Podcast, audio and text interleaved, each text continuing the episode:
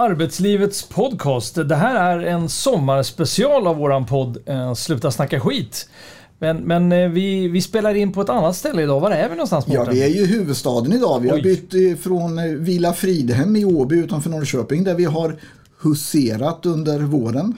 Just det. Och idag är vi i Stockholm. Ja, tittar ut över Norra Bantorget. Eh, Det är en solig dag och eh, ja, en trevlig miljö helt enkelt för att spela in en podd. Jajamensan. Vi är lite extra spralliga idag för vi ska göra en eh, sommarspecial. Just det. Men vi ska även på ett fysiskt affärsmöte Oj, i eftermiddag och träffa riktiga människor och inte bara umgås digitalt. just det. Undrar hur man gör det. Det låter svårt. Ja, vi kanske kan prata om det lite, lite senare. Senare, ja precis.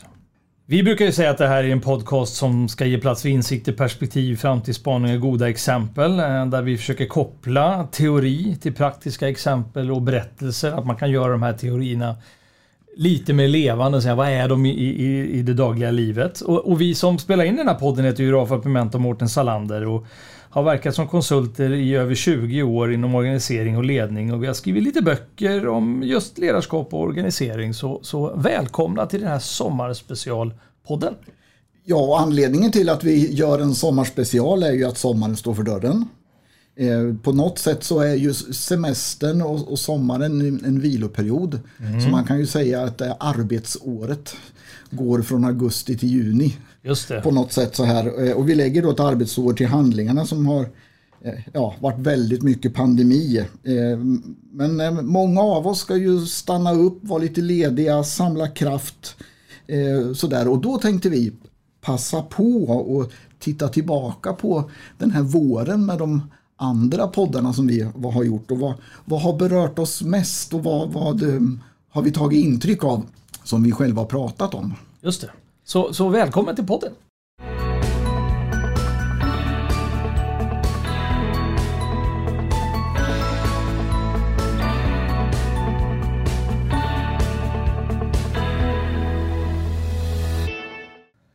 En av de sakerna som vi har pratat om det är ju det här med utvecklingsarbete. Att man kan se på det på lite olika sätt. Alltså att man kan skilja på vad som är utveckling och vad som faktiskt bara är, är tomtebloss. Det, det är en sån där sak som vi är upptagna med som vi har pratat om tidigare.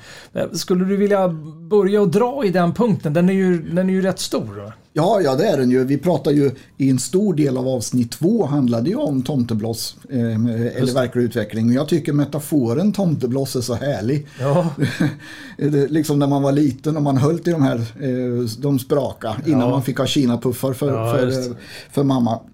Eh, och det var ju lite tjusigt under tiden och sen luktade det ju väldigt, väldigt, väldigt starkt om fingrarna efteråt.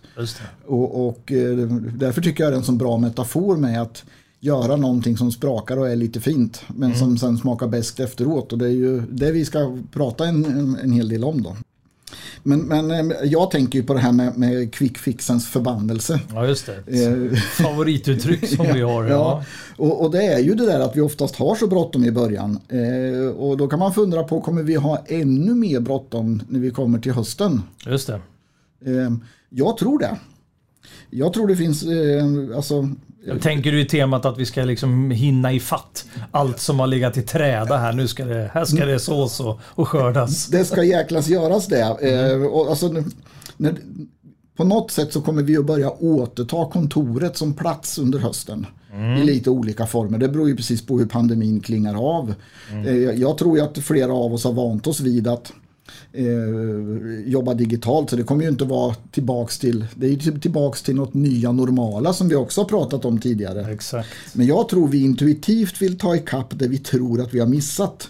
Både i form av, kalla det intern förändring. Det kanske ska omorganiseras och utvecklas och ändras på arbetssätt. Men även andra utvecklingsaktiviteter som teambildning, avdelningskickoffer eller seminarier eller eh, sådär. Så jag tror det bara kommer att det bara kommer att hagla av eh, falska starter. Men, men eh, vi kanske kan spara just falska starter som en cliffhanger i det här lilla avsnittet. Vi kan prata mer om det senare. Men, men eh, jag tror det kommer att bli eh, alla rusar när vi kommer lite längre fram. Just det. Men, men ehm, vad, vad tror du då? Alltså jag sitter och funderar på hur vi kommer att se på, på begreppet eh, utveckling. Alltså vad, vad är det? Liksom, är, det, är, det, är det föreläsningar som är det? Är det, liksom, är det liksom slutsatser av någon doktorsavhandling eller att vi gör saker och ting? Kommer vi, kommer vi att eh, Kommer vi beställa tomtebloss eller riktig utveckling? Vad kommer vi orka med? Jag kan tänka mig i ett initialt skede att det kommer ta en hel del kraft att återupptäcka relationer igen de som vi har jobbat länge med och som ska vi börja hitta former till varandra. Plus att när man kommer tillbaks till jobbet så kommer det vara en massa nyanställda som bara har jobbat ett år men som jag aldrig har träffat. Lite beroende på vilken typ av verksamhet man har men en hel del kommer att, mö kommer att möta det. Då. Ehm, kopplat till utveckling så har vi ju pratat om det här med att konsulten skapar förutsättningar för kunden att handla klokt. Alltså det vi pratar om tjänstelogik har vi ju pratat om. Att, att eh, vi gör inte det åt dem men utan någonstans så måste man ju veta i vilken ända man ska, man ska börja och hur man ska angripa, angripa saker och ting. Då, då. Så, så lite, vad kommer vi orka med? Lite, lite, lite så känner jag. Eh, så. Kommer vi bli upptagna av det här med där är du och där är jag. Hur ska vi liksom hitta ett bra sätt att dansa ihop nu? Eller, eller kommer vi bara säga pang och så kör vi där vi, där vi startade? Ja, jag är inte riktigt, riktigt säker på att det kommer att bli så. Nej, men jag, när, jag hör när du pratar så jag tror vi kommer bli fullständigt jävla överansträngda. Ja, eller hur? Ja, liksom relationsöveransträngda ja. kommer vi att bli. Ja. Eh, vi, vi, vi, hade ju förmånen att ha ett digitalt möte med en, en HR-chef på ett eh, större företag Mm. Eh, förra veckan du och jag. Mm. Och jag tycker, om vi ska inte citera henne, men det, det, hon sa så pratade vi om en av de ledningsgrupperna som hon följer. Ja. Och de har aldrig träffats eh, fysiskt. Mm. För den var ny, nysammansatt. Mm. Och, och, hon sa att eh, det ska bli jättespännande på det första planerade fysiska mötet som är i mitten av september. Mm. När eh, de fysiska intrycken blir annorlunda mot så som vi har boxat och kategoriserat varann i, i, den, i det digitala mötet. Så hon trodde ju att det skulle bli eh, kanske går åt ett möte eller två innan vi kan börja bli effektiva tillsammans menade hon. Mm. Jag tror hon är spot on. De, mm. det kommer ju bli, ja, jag tror vi kommer bli överansträngda. så här. Oj, sju nya människor på en gång ja, eh, hela tiden. Ja, precis. Mm. Eh, vi ondgör oss ju lite för det här med digitala möten. Ja. Eh, men du och jag tycker ju att de har sin plats. Absolut. absolut. Men, men, att man måste använda dem till det alltså de formerna där det är effektivt och där det faktiskt eh, fungerar. Det är ju många som säger att eh, vi har, vi har all, eh, folk har aldrig varit så väl förberedda för ett möte som förut när vi hade fysiska möten. Man kommer i tid, man, går, man respekterar saker och ting. Så, och då tänker man så här, är det digitala mötet då mycket bättre än det fysiska mötet? Eller är vi bara så dåliga på att hålla fysiska möten så att de blir som de blir? Ja, jag, tror ju mer, jag tror ju mer så. Och jag kan tänka mig att eh, det digitala mötet kan bli liksom lite som skällsord för ett dåligt, eh, dåligt möte. Alltså ett möte som inte ger så mycket. Mm. Eh, för vi kommer igen att upptäcka magin med att träffas fysiskt. Jag tror i en framtid att vi kommer att bli mycket duktigare på att välja. Alltså att eh, här är det läge för ett fysiskt möte i den här miljön med de här hjälpmedlen. Mm. Medan det här kan vi avhandla eh, lite snabbt och snärtigt eh, via Teams eller Zoom. Det låter nästan på dig som att det kommer bli en högre kravställning. Om vi ska ha ett fysiskt möte så, så då, då behöver det vara lite syfte och förväntningar på varandra och så lite, en, en, tydlig förväntan på ett output på sånt möte. Annars investerar man inte den tiden. Det är lite så, ja, så men, absolut så. Jag, vi nämnde ju på inledningen att vi, vi ska på ett fysiskt möte med en, eh, själva. Och varför har vi bestämt med den med de personerna att vi behöver träffas fysiskt? Jo, för i eftermiddag ska vi kreera. Vi ska vara innovativa och vi ska försöka skapa någonting som inte finns tillsammans. Som vi alla fyra står bakom.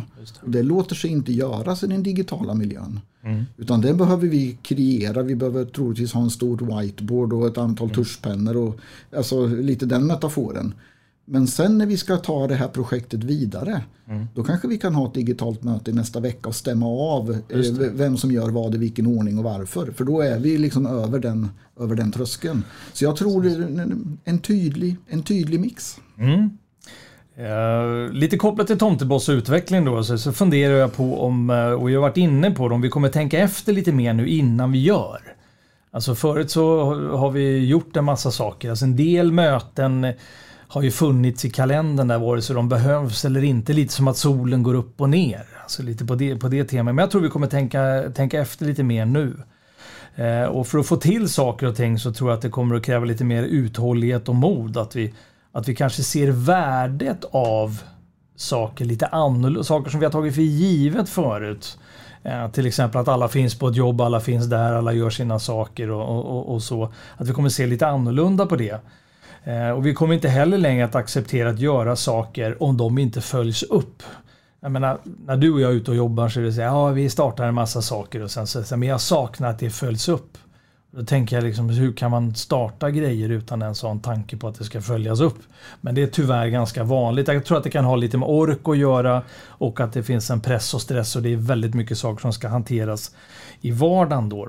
Så jag hoppas och tror att utvecklingsinsatser kommer ses som en investering och inte bara en kostnad. Eh, alltså om vi köper en svarv eller en ny lastbil eller en ny programvara, ett nytt affärssystem. Då ser vi till att använda det och vårda de grejerna så att vi tar hand om vår investering. Men att investera i en, en god teamkänsla eller en bra kommunikation eller en gemensam djupare förståelse för vilken värdegrund företaget vilar på. Eh, då gör vi det en gång så är det liksom bra. Men jag tror, att, jag tror att det kommer bli lite annorlunda framöver. En grej ur avsnitt tre som, som vi har kallat för förberedelsernas magi. Eh, du och jag är ju vän av att man förbereder sig väldigt väl innan man trycker på någon form av utvecklingsknapp, vare sig liksom det att förändra organisationen eller ledarskap eller vad det nu kan vara för någonting sådär. Att, alltså på temat utan spaning, ingen aning. Alltså på, på, man måste på något sätt förbereda sig. Så, så det ska vi prata lite grann om nu. Vill du börja Mårten? Ja, eh, och man kan ju tänka så här att eh, med hjälp av pandemin och hela den här digitala svängen som har varit eller är, att vi har om vi har lärt oss någon form av läxa, att eh, vi måste förbereda oss mm. bättre. Precis. Jag är skeptisk som han sa.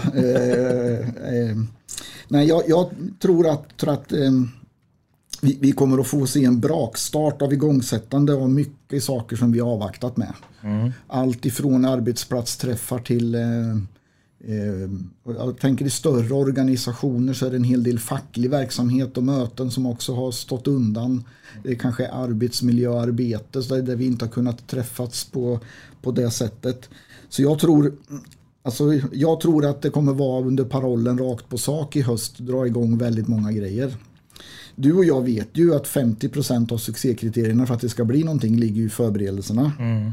Eh, och, och eh, vi, innan vi drog igång den här podden så tröttade jag ju dig med 37 bilder på min nyrenoverade altan och eh, balkong. Ja, just det. Precis. Eh, hemma på huset i Västervik. Och det är ju rätt intressant. De har rivit ner, så det är ju stort i flera hundra kvadratmeter vi pratar om. Mm. Men snickarna rev ju ner och byggde upp det där på sju dagar. De var två stycken. Mm. Det är ju fantastiskt mm. vad smidigt det gick. Men varför gick det smidigt då? Ja, bygglovet var ju fixat. Eh, allting var uppmätt, ritningarna var klara. Vi hade haft massa små, på sitt sätt löjliga byggmöten där vi pratade igenom hur vi skulle ha det. Mm. Eh, han, snickarna tyckte att det var waste of time och jag tyckte att det var hur viktigt som helst. Sådär, men, men allting var ju på plats. Mm. Och, samma sak är det ju med all typ av förändrings eller utvecklingsarbete också. Det går oftast väldigt smidigt och funkar väldigt bra när allt är på plats. Men om man drar igång för mycket samtidigt ja men då blir inte grejerna beställda. Det är inte rätt dimensioner. Det är ju liksom sådär och, och, och då händer samma sak. Det blir långa leveranstider och, och, och, så. Och, då, så är det ju också när man drar igång ett förändrings och ett utvecklingsarbete. Det är precis samma mekanism. Så Åh, förberedelsernas magi. ja, så det, det ligger så oerhört mycket kvalitet och kraft eh, vad heter det, i det. Då. Jag kan tänka mig, alltså, vi skrev i vår bok Tillplattad om Corona som vi gav ut för, för eh, ett år sedan, eh, lite drygt om det här med att eh, hur hade man förberett sig för att hantera en pandemi? Alltså pratet nu handlar ju väldigt mycket om att ingen kunde ha förutsett det här. Men, men eh, den typen av prat måste man ju på något sätt jag ska liksom kväsa i sin linda. Ja, för det är ju inte sant alltså att, vi, att, vi kunde, att man kunde förutspå just coronaviruset eh, och att det vart pandemin covid-19. Ja, det kanske ingen kunde förutspå. Mm. Men att Sverige någon gång skulle hamna i någon form av krisartad situation. Ja. Det kan ju inte vara så svårt att förutspå. Och att man kan rimligen på något sätt åtminstone förbereda sig för det då. Så att det som som händer nu när, när vi börjar se slutet på det här eller ljuset i tunneln eller hur man nu vill säga det så, så hinner de här bitarna ifatt. Så Alltså nu frågar sig socialministern ut om det här. Det kommer rapporter på hur, hur liksom krisberedskapen såg ut och hon, hon har faktiskt inga bra svar eh, utan man väntar ju på den här coronakommissionen vad den ska säga och, och, och sådana saker. Och det är klart att den där rapporten är viktig. Hoppas att den är hyfsat eh, neutral, det får vi utgå från att, att, den är. Men jag tror att vi inte får acceptera det här att ingen kunde ha förutsett detta, den typen av språkbruk. För det här finns det enormt mycket lärande för framtiden. Det är inte den första kris som vi har haft och det är det som är lite, lite beklämmande att vad har man lärt sig av det som har varit innan?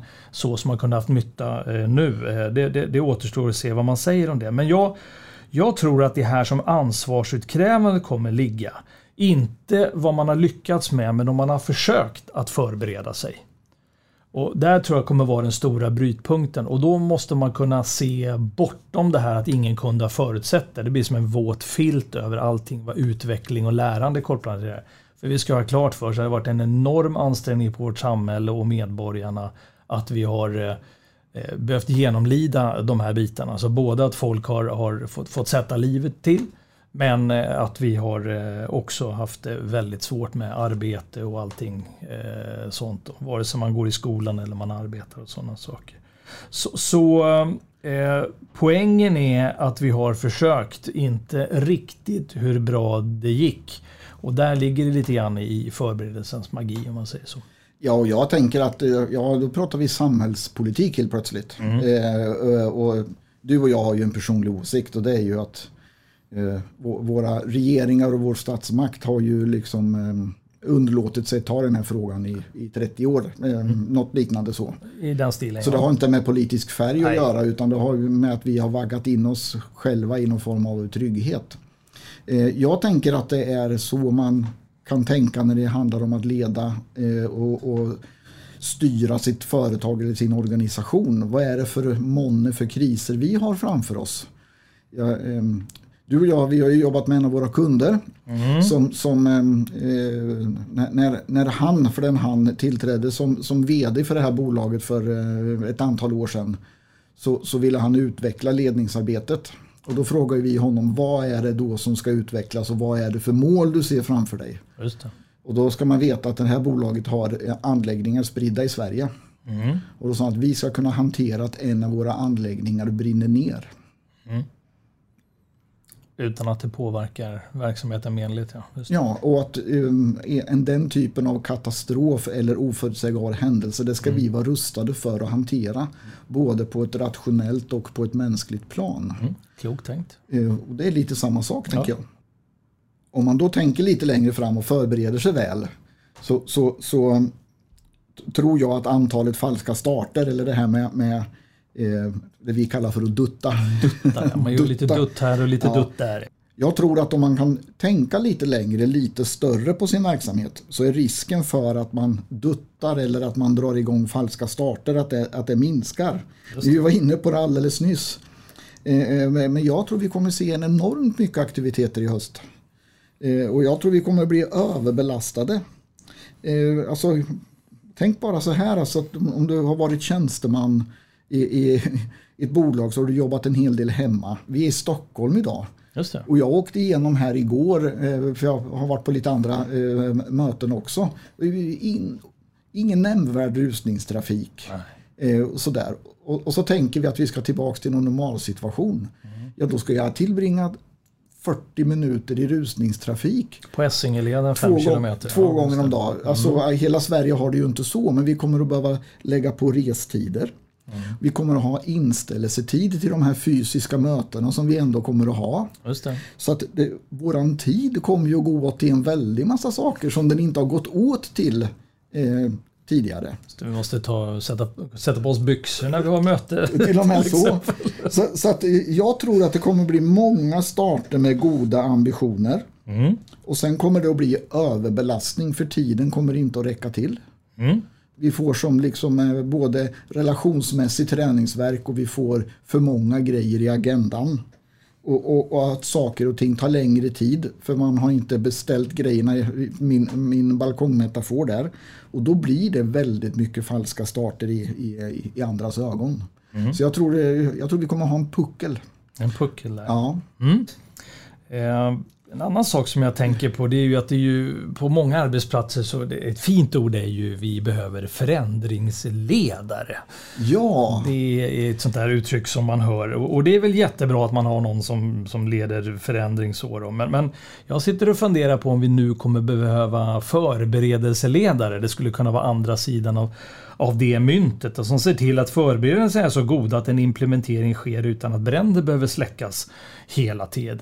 Och det finns någonting i ordet där, förändringsledare är rätt stort, men förberedelseledare det är lite lättare att ta på. Jag, jag gillar, det, gillar det uttrycket så jag tror, vi, jag tror vi behöver bli bättre på, för, en del är naturligtvis jätteduktiga på att förbereda sig. Men jag tror eh, när farten och tempot skruvas upp då, då skjuter man undan det prioriteringsmässigt och sen så, så åker man då. då. Så, att, så att ibland går det ju så snabbt att vi inte hinner förbereda oss. Så, eh, och, och, det är ju inte så himla, himla bra för jag tror att Ska vi göra saker och ting nu med resurser som är ändliga så tror jag och hoppas verkligen att vi kommer se på resurser på ett annat sätt. Att det är ingenting som man bara gödslar med bara för, för att då. Utan att innan vi gör någonting och använder våra resurser, att vi vet varför vi ska göra det vi ska göra. Vi har en plan ungefär hur det ska gå till och den är hyggligt rationell och, och effektiv. Och att vi förstår konsekvenserna om vi gör si eller så i våran verksamhet. Den typen av gemensam förståelse, den typen av nivå tror jag och hoppas jag kommer att eh, öka. Ja, det, det, hoppas jag också. Men, men alltså det finns ju oerhört mycket problematik, systemproblematik i det vi pratar om nu. Mm. Det ena är ju vad, vad, vad mäds många chefer på där ute i vårt arbetsliv. Mm. Ja, ja, det är ju det man åstadkommer eller kan rapportera av eller checka av. Eh, och då blir man inte belönad för att man förbereder sig väl och tänker efter och sådär utan eh, vad, hur svårt kan det vara att sätta igång med det där? Mm. Eh, man, kommer man bara lite, lite, lite som operativ chef på efterkälken i sin egen eh, agenda så, så då, då, blandar man ihop strategiska långsiktiga frågor med korta actions operativa. operativa. För det är klart att vi inte ska krångla till den operativa dimensionen. Den måste vi ju liksom hålla. Men när vi gör, lägger allt i samma påse och hanterar dem på samma sätt. Då blir det ju ett jätteproblem. När vi planerade det här avsnittet Rafal så, så fick vi ju lite problem. Eh, vi var ju tidigt på att vi skulle titta tillbaks på saker vi har pratat om tidigare. Just det. Men vi tycker ju att det är så mycket som är intressant. Eh, inte bara för att vi pratar om det utan för att det är så mycket intressanta saker som har med utveckling, förändring, ledarskap, hela vårt, eh, vårt skrå. Men, men nu har vi valt några, några saker som vi fortfarande tycker är oerhört centralt viktiga och som vi egentligen pratar om varje dag du och jag. Men om vi skulle blicka blicka lite framåt då. Eh, mm. när vi är tillbaka sen i höst. Eh, eh, alltså pandemin är ju inte över i augusti men om vi använder hösten som metafor för att vi går tillbaka till något nytt normalläge vad det nu är för någonting. Kommer det vara lättare eller svårare att vara chef och ledare? Eller vad, hur ser, ja, det är en om, jättebra om, fråga. Om du vrider på den där kristallkulan du har framför dig lite så... Ja, jag, jag, alltså jag tänker så här, alltså hur lätt eller svårt kan det vara att komma tillbaka och leda verksamheten som chef eh, helt eller delvis på våra arbetsplatser eh, i höst. Så eh, det som är, är säkert tror jag, det är ju att folk inser, eller människor inser att det är en, en annan typ av situation.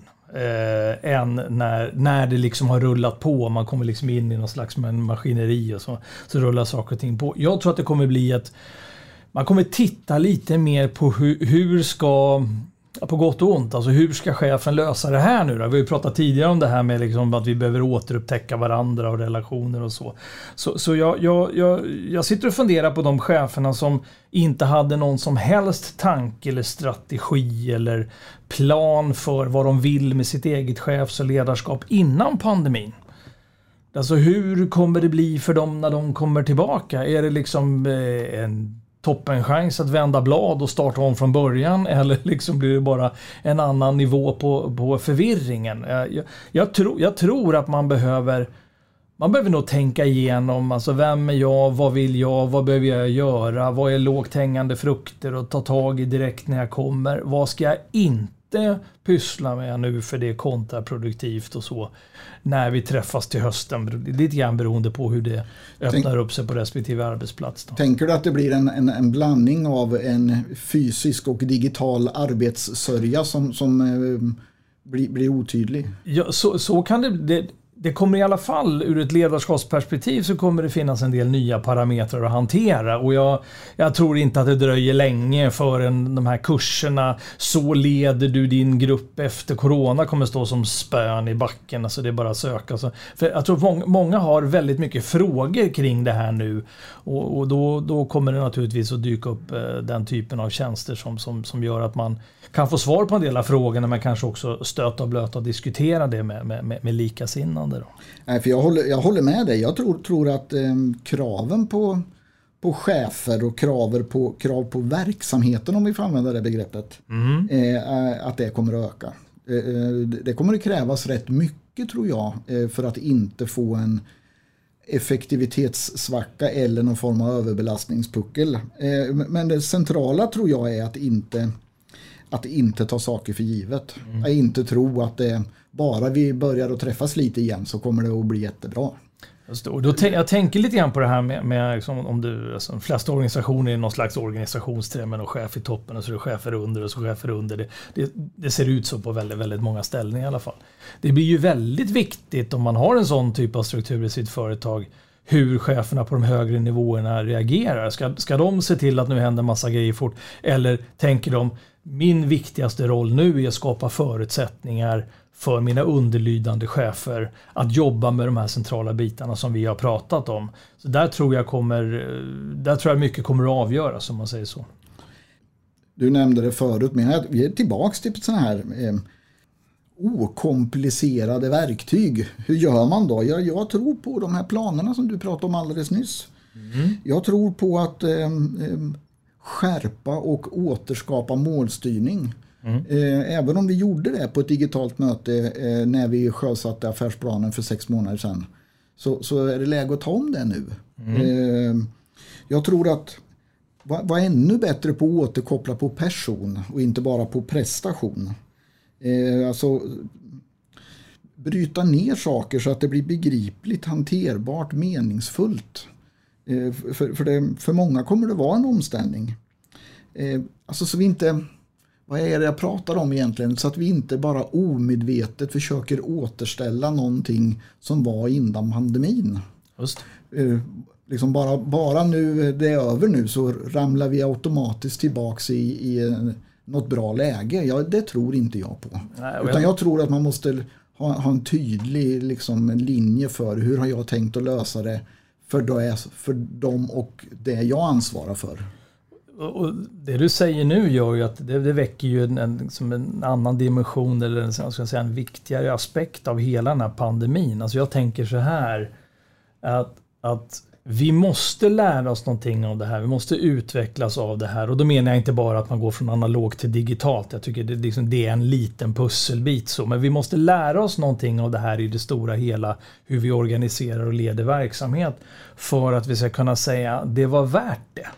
Alltså om, om vi tar bort eh, det har pratats tillräckligt mycket om det här med, med, med, med liksom de, de, fysiska dimensionerna, att folk blir sjuka och, och, och, och dör och sådana saker. Men om vi tittar på hur samhället fungerar och hur vi kan organisera det på ett, på ett bra sätt så måste vi lära oss någonting av det för att det ska ha varit värt det. Och gör vi inte det, jag tror att vi kommer hamna i någon slags baksmälla lite längre fram. Jag, jag, jag hittade en ehm, en liten artikel som, som heter Flexibla team lyckas bäst. Det är en, en, en tjej som heter Pamela Novell, Chalmers, som har disputerat på startups. Ah. Och det är rätt intressant att man gör en sån här avgränsning i startups. För när man tänker på det så kunde det lika gärna handla om vilken projektgrupp som helst. Eller, Vilket förändringsarbete som ja, helst. Eller en nystartad grupp. Vi pratade ju tidigare om det här med vad, vad händer när, när vissa kommer tillbaka till arbetsplatsen så är halva deras arbetsgrupp eller ledningsgrupp ut. Man har aldrig träffat de här människorna fysiskt. Det, alltså det påminner ju om det men just här, här var ju avgränsningen startups då. då. Eh, och, och, där beskriver ju då Pamela Novell att det är en extrem situation med stor osäkerhet och brist på struktur. Man vet ingenting om vägen framåt men man tror på någonting. Till exempel en idé, vi har utvecklat något, vi har ett patent på gång och sådär. Och nu ska vi försöka göra lite business av det här då. då. Och då menar ju hon, den här Pamela Novell, att de som lyckas bäst det är de som satsar på att få fungerande relationer och att man är flexibel i det här tills man har fått de här strukturerna på plats då. Och de som lyckades sämst, det var ju de som fokade på att få strukturerna på plats och struntade i att bygga de här relationerna. Och det tycker jag är, det är ju rätt intressant om man tar vilken projektgrupp som helst.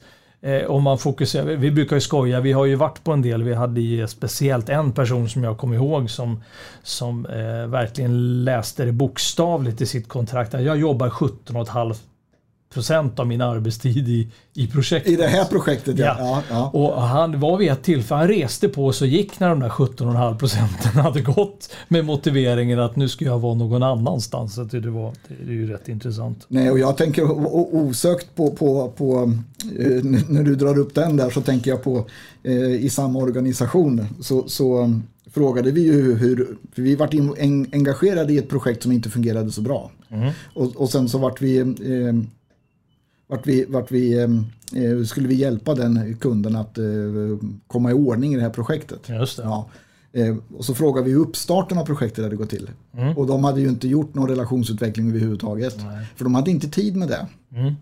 Och då frågade vi hur länge det här projektet skulle pågå. Ja. Och det var ju fyra och ett halvt år. Ja. Så de hade inte tid att ägna ett par eftermiddagar. För det är ju liksom på tal om förberedelsernas magi, alltså, ja. alltså att man går, går bort Nu vet ju vi lite grann vad som hände det där, men de fick betala för det i form av att saker och ting tog längre tid helt enkelt. Ja. De fick ju till det till slut, mm. för det var ju så, men det vart onödigt jobbigt. Ja. ja. Och ska man vara lite krass så vart det ju också onödigt dyrt. Eftersom ja, tiden så. Men tillbaks till Pamela Novell då. Då, då, då, då menar hon här, och det, det, jag tycker det är jätteintressant då när man har, har disputerat på det här med startups och så. Och så säger man det här är lite så här konklusionen. De menar för att bygga de här relationerna så, så, så menar hon att man måste visa sig sårbar och vara öppna eh, med varandra. Man, man, behöver inte vara privat. Du brukar prata om att man ska skilja på att vara personlig och privat. Men man behöver ju vara så pass öppen mot varandra att man kan prata om det man behöver prata om för att kunna lösa den gemensamma uppgiften. Känner man att det här är lite känsligt att ta upp fast jag tycker att det är viktigt kopplat till det vi ska göra, då är liksom öppenheten för låg. Då, då. Hon beskriver vidare att man måste visa sina starka och svaga, svaga sidor. Man måste kunna acceptera att man har fel ibland och kunna diskutera svåra frågor, lösa konflikter och växa tillsammans. Och för mig är det ju det är ju vanliga beståndsdelar i vilken arbetsgrupp som helst beroende på digniteten av det man ska göra, göra ihop. Då. Men det är ju inget, det är ju liksom inget konstigt. Men jag tror anledningen till att jag pratar om de här bitarna det är ju att jag tror att vi behöver återupptäcka det här och inte slarva med de här grejerna när, när vi träffs igen eh, i höst. Då. Ja, och det, det håller jag med om eh, liksom supermycket sådär för att eh, vi leker med tanken att du och jag har haft en tillräckligt god relation med varandra för att lösa vår gemensamma uppgift. Eh, men med hjälp av eh, det coronaår som har varit så har vi ju tappat kanske 70% av magin i den relationen. Just det. Och att inte då ta för givet. För då har ju du och jag ett arbete att göra när vi kommer tillbaka. Eh, sådär. Men jag, så jag, jag tror det är det är många relationer och många förtroenden som behöver återskapas. Precis så. Och, och, när jag pratar om den här eh, Pamela Novell och hennes eh, disputation om flexibla team så kan man säga att det är, ja, det är ju liksom inget nytt och sådana här saker egentligen om man tänker efter. Så här. Men det är inte det som är poängen. Poängen är att det sägs och att det kommer upp nu. Och ett budskap är ju att alla, alla ni som jobbar som chefer ute i verksamheter, så här, vad, vad, vad gör ni för att säkra basic i vilket relationsbyggande, i vilken arbetsgrupp som helst? Eh, och jag tror att det kommer till stora delar för många att vara en liten osäker eller ny situation. Och jag tycker att Pamela Novell säger det så himla bra när hon, jag skulle vilja avsluta med det. Hon säger så här, man ska inte kontrollera, man ska omfamna en osäker situation. Innan vi rundar av den här podden eh, Rafael och eh, går ut i den fantastiska värmen som är utanför rummet här. hur, hur vi har ju pratat om vad vi tror om hösten generellt, men, men eh, hur ser du eller vad tror du på hösten för, mer för våran del? Ja, du var ju inne på det att vi ska komma ikapp lite grann. Jag tycker att man kan känna av det lite grann hos, hos, hos våra kunder. Så det kommer nog bli en ganska eh, intensiv höst, en, en mix mellan att göra saker och ting digitalt och att faktiskt träffas eh, där det behövs. Lite så. Så att jag ser verkligen fram emot mot hösten och se om vi kan hitta bra former för utvecklingsarbete till, tillsammans med våra kunder. Då. Men, men som sagt, vi tror ju på det här med förberedelsernas magi. Eh, och så, så hur, hur, hur tänker du förbereda dig inför hösten med, med hjälp av sommaren? Ja, alltså det är ju, det är ju spännande. Eh, jag har en tre, fyra spännande böcker. Facklitteratur ligger hemma. Eh, jag har en eh, extra tjock bok som jag har bläddrat lite i som handlar om artificiell intelligens. Som jag tycker att, ehm, ja den kittlar mig lite, den tycker jag låter, låter jättespännande att förstå mer av det även om inte vi jobbar med det. Så, så ligger det ju väldigt mycket i tangentens riktning hur man utvecklar och rationaliserar verksamheter. Ehm, så att det ser jag framför mig. Jag ser framför mig att få motionera mig själv upp och ner på stegen på huset hemma för det ska målas en hel del. Eh, jag ser framför mig att få åka en hel del båt. Vi bor ju i Västervik och har en liten enkel sån där styrpepet du vet. Eh, så att sitta en bit ut i skärgården i eh, en liten sån där medelhavd stol och läsa om artificiell intelligens. Och titta på fiskmåsarna och fundera på hur jag tycker att det hänger ihop. Det kommer att vara en Lisa, Lisa för själen. Sen tror jag att jag kommer att fundera en hel del på eh, fortsättningen på den här poddserien. Vad ska vi, hur ska vi göra det och vad ska ingå?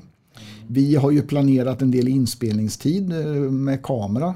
Eh, mm. Vi har ju hittat en samarbetspartner i Västervik som har en studio. Mm. Så vi ska ju göra lite sådana saker. Så där kommer jag också gå och grunna lite på tror jag. Så jag tror jag ser framför mig en, en, en mix av egen tankeverksamhet och lite fysisk aktivitet. Och sen har jag lovat min hustru att vara helledig i tre veckor utan mm. att uh, gå och fundera på, på jobbet för mycket. På tal om utmaningar. Ja, och uh, efter förra sommaren så fick jag reda på att det hade gått sådär för mig. Så jag ska se om jag kan klara det lite bättre i år. Ja, just det, precis. Ja, exakt. Själv då? Ja, för min egen del eh, så, så jag ser två delar. Det ena är ju våran vistelse nere i Spanien där vi faktiskt får, får uh, umgås en hel del med, med, våra vuxna och snart vuxna barn. Så det, det ser jag fram emot mycket, förutom att det är en miljö. Jag har min bror, bor där nere, fem minuter ifrån oss. Och, så, så, så verkligen ladda batterierna med familjen och det, det, den miljön där nere gör någonting med, med mig och den gör framförallt någonting med min fru som har ett extremt stressigt jobb. Eh, så hon blir, blir som en annan och faktiskt bättre mående person där nere. Så det är en liten resort för oss. Eh, den andra delen eh, handlar ju om hemma att fixa. Förra sommaren pandemin så fick man ju väldigt mycket tid över eftersom i princip alla uppdrag ställdes ju in sådär. Så att då, då kunde jag ju fixa utvändigt på tomten och grejer. Alltså surdegar som har legat eh, så, så att det varit fint och så. Och nu har jag gett, eh, bestämt mig för att jag ska ge mig på den största utmaningen av alla och det är att få ordning i garage. Det här du ja. det, det, öppnas, dörren öppnas och sen så hivas det in grejer där och det, ja, jag blir galen. Så att, så att eh, jag har gett mig den på att jag ska fixa där. Att förbereda mig inför hösten är ju faktiskt att fundera på vad, vad jag faktiskt vill ägna mig åt. Jag tror att det finns en del saker i det här med, med, med efterbörden av pandemin och vårat skro och sådana här saker som jag inte kommer vara intresserad av att, delta i. För jag tror på någonting annat.